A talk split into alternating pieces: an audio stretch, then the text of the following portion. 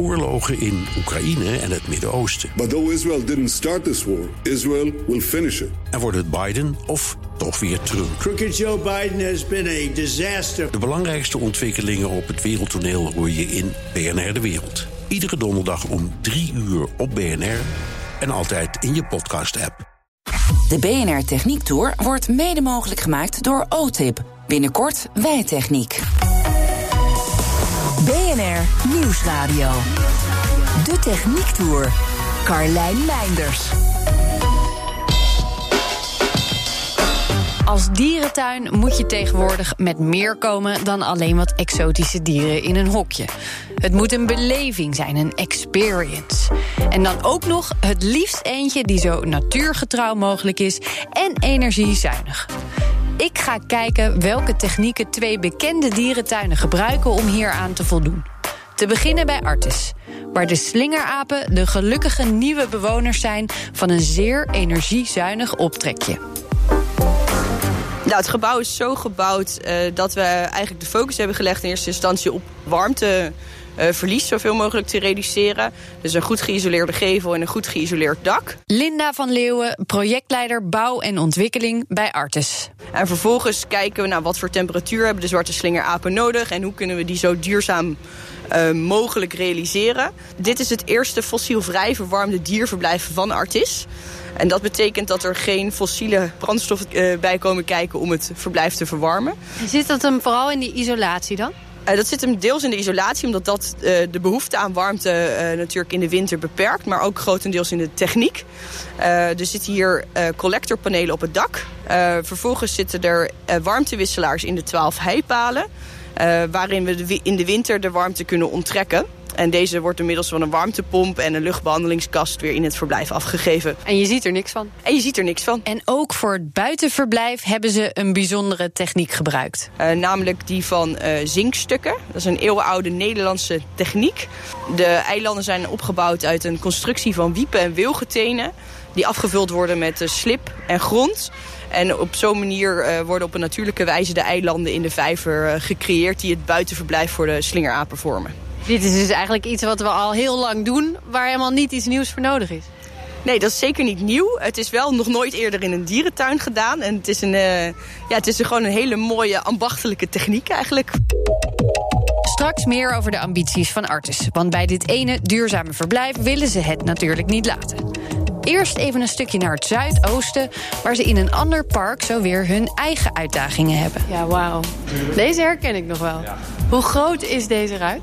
Denk dat het iets van uh, 15 meter uh, lengte is en een 5 meter hoog. Hij was ook zo groot dat hij uh, dus niet in één geheel hier geplaatst kon worden. De ruit waar we het over hebben is onderdeel van Ocean, het aquarium van Burgersoe.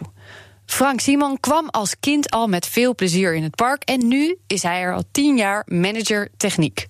Hij weet dus precies welke uitdagingen er bij zoiets komen kijken. Hij is in delen vanuit Japan aangevoerd en hier aan elkaar gemaakt tot één grote ruit. Als je heel goed kijkt, zie je nog een klein beetje waar die aan elkaar is gezet. Ja, ja deze ruit is nu uh, ja, ruim 20 jaar oud. En uh, dat was in die tijd nog uh, vrij nieuw om zo'n grote ruit uh, te kunnen maken. Dat wilde ook niet elk bedrijf doen, volgens mij. Nee, dat klopt. Er waren toen nog maar een paar bedrijven in de wereld die dit konden. Wij zijn toen uitgekomen bij een Japans bedrijf. Die heeft hem gemaakt en ook geplaatst. Maar die hebben dus hier de verschillende delen aan elkaar moeten maken. En dat was een hele speciale techniek die uh, ja, niemand uh, mocht zien hoe dat uh, ging. Is het inmiddels wel openbare informatie of nog steeds een geheim? Het is nog een redelijk geheim bij de verschillende leveranciers... want ze doen het allemaal net weer even anders. Ja, en nou is deze ruit 35 centimeter dik, als ik het goed heb onthouden. Ja, ja het is 35 centimeter dik. Het is, ja, we zeggen ruit, maar het is eigenlijk een kunststof. Het is acryl. En acryl is uh, uiteraard uh, doorzichtig en ook enigszins uh, flexibel. Zodat ja, er geen kans is op breuk om als er iets ja, tegenaan zou vallen of stoten. Niet zoals in de reclame dus. Nee, nee gelukkig kan deze dus niet zomaar kapot inderdaad. Ja, want, want voor wie het niet weet, die is hier wel opgenomen hè? Ja, destijds is de opening was wel heel leuk item. Dat het net leek alsof dat de ruit al lek was. Ja, of de schoonmaker met de bezem een, uh, hem kapot had gemaakt... en er een hele grote haai aankwam. Ja. Die kennen we allemaal nog wel. Uh, hoe onderhoud je zoiets? Nou, acryl heeft van zichzelf geen onderhoud nodig. Alleen aan de bezoekerskant, de droge kant... maken we hem toch regelmatig schoon. Mensen zitten natuurlijk toch wel eens aan kunnen krassen opkomen. Eh, de natte kant, dus de kant waar het water eh, tegenaan staat, heeft meer onderhoud nodig. Omdat daar ook eh, ja, algen en bacteriën groeien. Dus de ruit moet regelmatig gepoetst worden. Dat doen duikers, gewoon handmatig. Ehm, maar daarnaast, en dat is vooral bij deze haaienruit... hebben we het probleem dat de haaien, die een heel erg ruwe huid hebben nog wel eens uh, tegen het acryl aanschuren. Uh, en als dat te erg wordt, ja, dan moeten we polijsten. En maar dat is, dat is best lastig aan de natte kant. Ja, dat is heel lastig. En dat doen we de laatste tijd met een, uh, een robot. Dat is een heel klein tankje, moet je je voorstellen, op rupsbandjes met zuignapjes. Met een schuurschijf ertussen. En die rijdt heel langzaam over de hele ruit heen. Die kan op afstand bestuurd worden. Oké, dat onderhoud van die ruit, dat gaat dus prima. Ook de mixers die het water in beweging houden, net zoals dat in de echte oceaan gebeurt, zijn helemaal aangepast aan de omstandigheden en steeds energiezuiniger. Maar hoe zit het met de kwaliteit van het water zelf? Daarvoor wordt het door allerlei speciale filters geloodst, vertelt Frank. We hebben bijvoorbeeld eiwitafschuimers die eiwit eruit halen. We hebben nitraatfilters. En dat zijn allemaal stoffen die er door de planten, maar met name de dieren, inkomen. Dus als we niet filteren, ja, dan zou het water binnen een paar dagen gewoon uh, groen zijn. Om helemaal te kunnen begrijpen waar Frank het over heeft, moeten we door een deur waar normaal gesproken niemand doorheen mag. Achter de schermen valt meteen op hoeveel machines er draaien om die bak met zo'n 8 miljoen liter water in goede conditie te houden. Wat er ook moet gebeuren is het toevoegen van zout. Want het water in het aquarium komt niet uit de zee. We zijn hier op de 8,5 meter vloer waar uh, de filterinstallaties uh, geplaatst zijn. Wat we hier als principe gedaan hebben is dat we het water één keer omhoog uh, willen pompen. Dus vanuit de bassins naar boven. En dat het vervolgens uh, onder invloed van zwaartekracht automatisch door de filtersystemen loopt en dan weer terug in het bassin. Ja, dat scheelt pompen en dus energie. Ja, ja gelukkig. Toen ook al zo uitgelegd. Hè, hoe minder pompen, hoe beter. De pompen die er nog steeds staan, ja, daar zijn we dus nu naar aan het kijken. En dat, en dat zout, hoe zit het daarmee precies? Wij maken ons eigen zeewater. Maar we willen er wel heel zuinig mee omgaan, omdat het een, uh, een duur proces is om, uh, om te maken. Dus natuurlijk uh, verliezen we water in onze filters. Want ja, samen met het afval wat we afvoeren gaat ook een stukje zeewater mee. En bovendien ja, verdampt er natuurlijk water, dus we moeten het ook weer aanvullen. Is dit ook een proces waarbij er nog wel slagen op duurzaamheidsgebied gemaakt kunnen worden? Ja, hier uh, uh, gebeurt heel veel op het duurzaamheidsgebied. het is eh, 20 jaar geleden gebouwd. Toen was energie uiteraard ook belangrijk. Alleen nog niet zo belangrijk als nu. Dus wij zijn hier bezig met projecten om pompen te vervangen. verlichting te vervangen. Ja, leidingwerk anders te maken. Zodat bijvoorbeeld weerstand lager is. Waardoor een pomp minder druk hoeft te leveren. Zijn het ook moeilijke installaties om, om volledig fossielvrij te krijgen? Nou, een deel van de verwarming hier gebeurt nog met uh, cv-ketels. En dat is omdat deze, dit gebouw is uitgelegd voor hoge temperatuurverwarming. dat kan op dit moment eigenlijk alleen nog maar goed met cv-ketels. Uiteraard kijken we ook naar andere vormen van uh, energie. Alleen die lijken op dit moment nog niet echt haalbaar. Er is dus nog aardig wat ruimte voor verbetering. Maar er wordt aan gewerkt. Dat is ook te zien aan het nieuwste overdekte ecosysteem van Burgersoe, waar we straks even gaan kijken. De Techniek Tour. Eerst langs bij de. Juist. Olifanten in Amsterdam. Want ook daar gebeurt van alles wat je als bezoeker niet kunt zien. Ik spreek de man die hier alles over kan vertellen. Peter Blesing, eh, teamleider dier artis. En we staan hier bij de olifanten. Ja, het olifantenverblijf, nu uh, derde seizoen gaan we in. Met dit nieuwe verblijf. En uh, we zijn er heel erg blij mee. We zitten natuurlijk midden in de stad. Je hebt beperkte ruimte. Dat lijkt me al een van de uitdagingen. Maar er zijn er veel meer als je hier een olifantenverblijf moet runnen, denk ik. Ja, klopt. Ik, wij noemen het altijd olifantenmanagement. Dus dat is het gehele plaatje wat je ervoor moet doen om, uh, om olifanten goed te kunnen houden. En ook met de laatste inzichten die erin. Het, het vak uh, wat wij beoefenen evolueert heel sterk. Um, en er komen steeds nieuwe inzichten hoe je welzijnstechnisch dieren het beste kunt houden. En uh, dat probeert ook Artes uh, erg hard aan mee te doen. Ondanks uh, dat we midden in de stad zitten. Ik denk de insteek van hoe een dierenverblijf eruit zou moeten zien... is wel enorm veranderd in de tijd dat je hier bent, toch? Zeker, ja. Ik werk hier nu 20 jaar. En die, die, die, blikvelden die zijn enorm veranderd. Die inzichten zijn enorm veranderd.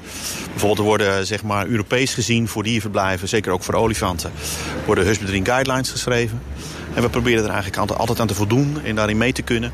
Dus we innoveren en uh, we ontwikkelen. En deze specifieke plek, wat is hier de grootste uitdaging voor jullie? Nou, deze locatie uh, was eigenlijk een, de, de, ruimte die we nog beschikbaar hadden. Uh, we hadden natuurlijk de olifanten die we hier hadden, het verblijf was niet meer helemaal up-to-date. Dus we wilden heel graag olifanten houden en daarmee het verblijf moest dus uitgebreid worden buiten. Uh, we hebben ook, uh, de groep is iets groter geworden. We hebben nu een familiegroep, bestaande uit uh, drie dames en een mannetje. En zo hoort het ook, olifanten leven in, in zo'n situatie. Die moeten in een familiegroep kunnen leven. Dus een van de eerste uitgangspunten is dat je die groepsamenstelling goed hebt. En dat hebben we heel goed voor elkaar. En nou hebben ze hier ook de gelegenheid om te zwemmen midden in de stad. er komt best wel veel water, denk ik, kijken bij zo'n olifantenverblijf gigantisch veel. We hebben er heel erg lang over nagedacht uh, hoe, we dat, hoe we dat wilden toepassen. Voor Aziatische olifanten is het heel erg belangrijk dat ze kunnen zwemmen. Dat ze veel gebruik kunnen maken van water. Ze zijn echt wateraanbidders. Uh, ze drinken natuurlijk een bepaald percentage. Maar eigenlijk hebben we dit bassin ontwikkeld om in te kunnen zwemmen. En eigenlijk wat heel leuk is, we hebben hier een verdiepte brug ontwikkeld. Daar staan we nu op? Daar staan we nu op. Uh, waarbij het zo is dat de olifanten met z'n viertjes uh, te water kunnen gaan. Want zo groot is het. Kunnen ze ook met z'n vieren kopje onder. Want hoe diep is het dan? Daar is 5 meter diep. Ja, dat is behoorlijk. Er zit uh, 140.000 kub water in. Um, en wat wel leuk is, en dat is een beetje het excitement verhaal erin... is dat als die olifanten, dus 4 ton zwaar gemiddeld... als die het water uh, ingaan met z'n allen tegelijk... Dan, dan klotst het water ook over de rand heen. Dat wordt vervolgens in de goot weer opgevangen en komt weer in het systeem terug. Dus dat is uh, sluitend. Uh, maar het is voor het publiek natuurlijk een hele leuke ervaring. Dat als ze dicht bij olifanten zien en ze zien ze recht voor hun te water gaan... dat ze dan ook een stapje achteruit moeten doen om geen natte schoenen te krijgen. En nou heb ik het goed begrepen dat olifanten ook graag poepen en plassen in het water waar ze ook uit drinken. Dat lijkt me ook nog wel een uitdaging met zo'n besloten watertje. Klopt, dus we hebben een hele mooie filterinstallatie. En uh, er zitten allerlei filtratiemethodes in. Die ervoor zorgen dat, uh, dat het oppervlaktewater in ieder geval schoon blijft. Er zit een zekere mate bezinksel in. Dus de mest en het zand in zeker, uh, komen op de bodem tegen. Dus één keer per jaar maken we hem echt helemaal schoon. De rest van het jaar uh, doet het systeem het voor ons. En het systeem is helemaal gevuld met grachtenwater. Dus het water wat hier, wat hier zit, komt allemaal gewoon uit de gracht? Komt uit de Amsterdamse gracht, ja. Maar niet één op één, denk ik. Nee, er moet wel even een filtertje tussendoor zitten. Er zit een filtertje en het is, het is one way. Dus we laten hem in met grachtenwater. Het is niet zo dat we het uh, terugzetten in de gracht. Dus het is, we laten hem ermee in. Dan is het een gesloten systeem tot we hem schoonmaken. En dan uh, is het te laten. Ja, en zo'n verblijf... Uh, tegenwoordig moet er, om, voor het dierenwelzijn, ook genoeg te doen zijn. Ja. Nou horen we Misschien horen we dat net op de achtergrond de takken breken van de kerstboom die eerst op de Dam stond. Klopt, ja, we hebben dan uh, nu voor twee jaar achtereen hebben de, de kerstboom van de Dam gekregen. Uh, dat is natuurlijk een hele leuk uh, dubbel doel van die boom. Die heeft daar zijn dienst gedaan en nu is die voor de olifanten. En die vinden het heerlijk om te slopen. Ze eten er maar een klein beetje van. Maar de uitdaging voor ze is om hem nou ja, uiteindelijk in de loop van tijd helemaal, nou ja, alle takken eraf. En dat is een hartstikke leuke bezigheid voor ze. Het zijn natuurlijk ook, uh, wat we in vakje gewoon noemen, zijn olifanten. Dat zijn uh, browsers. En wat we hier nu zien, uh, er staat hier nog een van onze olifanten recht voor ons. En die staat nu lekker de wilgetakken te eten. Dus we krijgen dagelijks verse wilgetakken. En dat is ongeveer 50% van hun dieet. Het andere, die, de helft, is, is hooi. Uiterwaarde hooi gebruiken we. Olifanten zijn eigenlijk altijd on the move in het verzamelen van hun voedsel. En dat proberen ze goed mogelijk na te bootsen. En ik heb uh, begrepen dat jullie ook uh, een soort luikjesysteem hebben om ze bezig te houden. Ja, we hebben de, de hooivirus, dus uh, andere 50% van dieet is, is hooi. en dat hebben we dan zo ingericht dat dat in virus zit met deurtjes. Die gaan at random, uit een computersysteem, gaan die open en dicht. Zodat een olifant zeg maar, gedurende de dag zijn voedsel kan opnemen. Wat is uh, uh, jouw mooiste herinnering in die 20 jaar dat je hier al rondloopt? Als dat te noemen is überhaupt. Ja, dat is best moeilijk natuurlijk. Uh, we hebben een aantal geboortes meegemaakt. en eigenlijk de, de dame die hiervoor staat, die heb ik geboren zien worden in 2005. En dat is toch wel uh, hetgeen wat het meeste indruk gemaakt heb uh, in de loop der jaren. Het is de eerste bevalling, uh, het eerste olifantje wat ik geboren heb zien worden. Het is ook het eerste olifantje in Artes geboren ooit. Dat vergeet je nooit meer? Dat vergeet ik nooit meer. Dat staat in het geheugen gegrift. Dus dat, En kun je dan ooit nog afscheid nemen van deze baan? Want dit ja. zijn een beetje je kinderen geworden waarschijnlijk. Zeker, nee, dat is een terechte opmerking. Het is, je bent er zo mee verweven. Zeker met de olifanten die zo hoog intelligent zijn. ze weten ook wie jij bent. Ze weten ook wie ik ben, ja. Dus, dus er is wel degelijk een band als je, als je met die dieren werkt. Dus dat, dat maakt het ook bijzonder.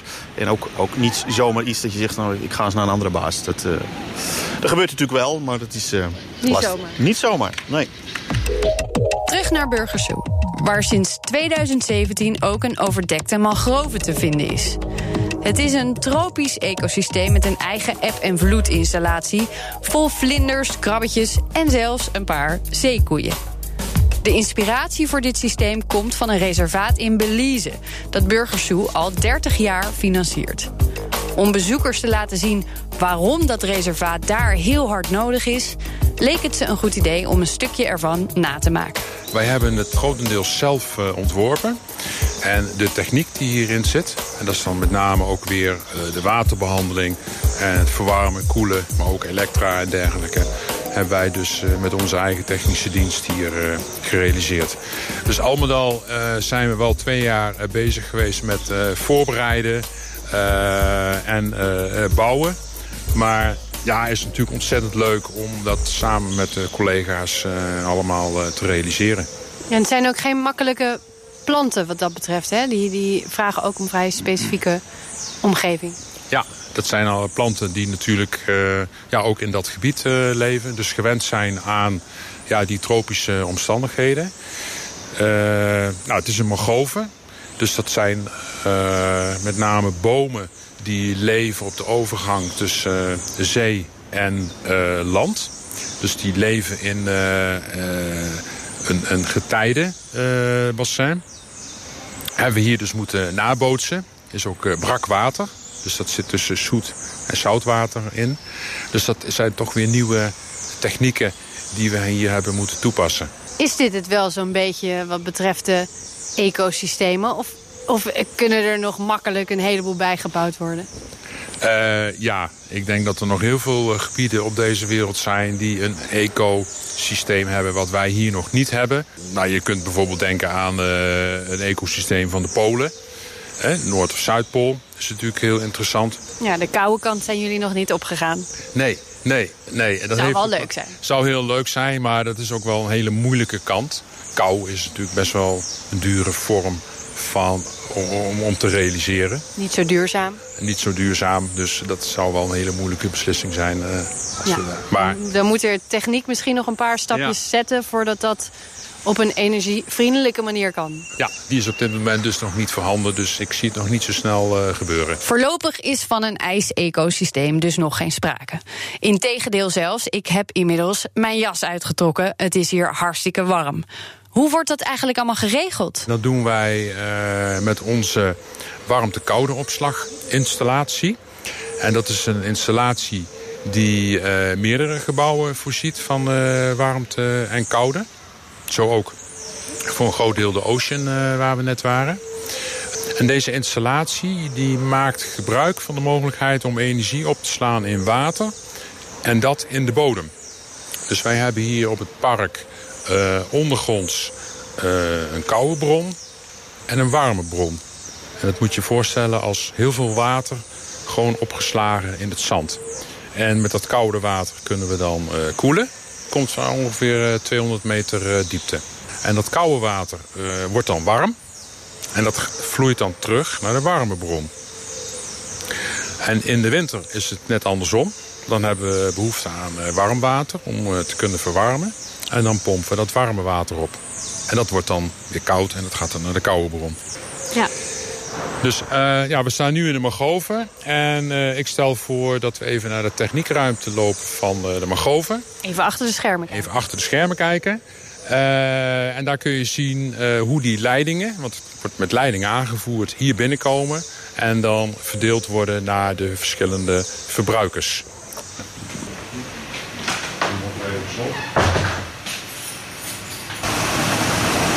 Oh ja, dit hoor je wel meteen hoor. Nou, we staan hier in de, techniekruimte van uh, de Mangroven. En wel uh, het deel van het uh, zoetwaterbassin, dus van de zeekoeien. En hier zie je ja, vergelijkbare installaties zoals we net bij de Ocean ook zagen.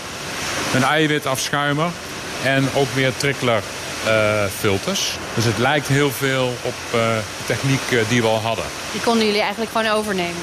Ja, ja dus dat klopt. Omdat het gewoon werkt, ja, blijkbaar. Ja, wij hebben al twintig jaar ervaring met Ocean. En ja, die ervaring hebben we met alle kennis die we nu hebben verrijkt. En uh, daarmee deze installatie gebouwd. Hoeveel water gaat hierin rond? het zoetwaterbassin is 1 miljoen liter water. Lopen we nu naar het zoutwatergedeelte. dat is hier beneden in de kelder. Ja. Trappetje weer af. Dat ziet er een uh, stuk minder heftig uit. Ja, nou het zout, ofwel het brakwatersysteem is uh, veel kleiner. Dat is maar een paar honderdduizend liter. Dat betekent dat filterinstallaties dan ook veel kleiner zijn. Ja, een paar kleine tankjes. Ja, ja met wat filterinstallaties. Dat nog een trommelfilter. Dat is ook weer een nieuwe techniek die we nu ook weer in de Ocean aan het inbouwen zijn. Wat doet die? Nou, die werkt bijna op dezelfde manier als een wasmachine.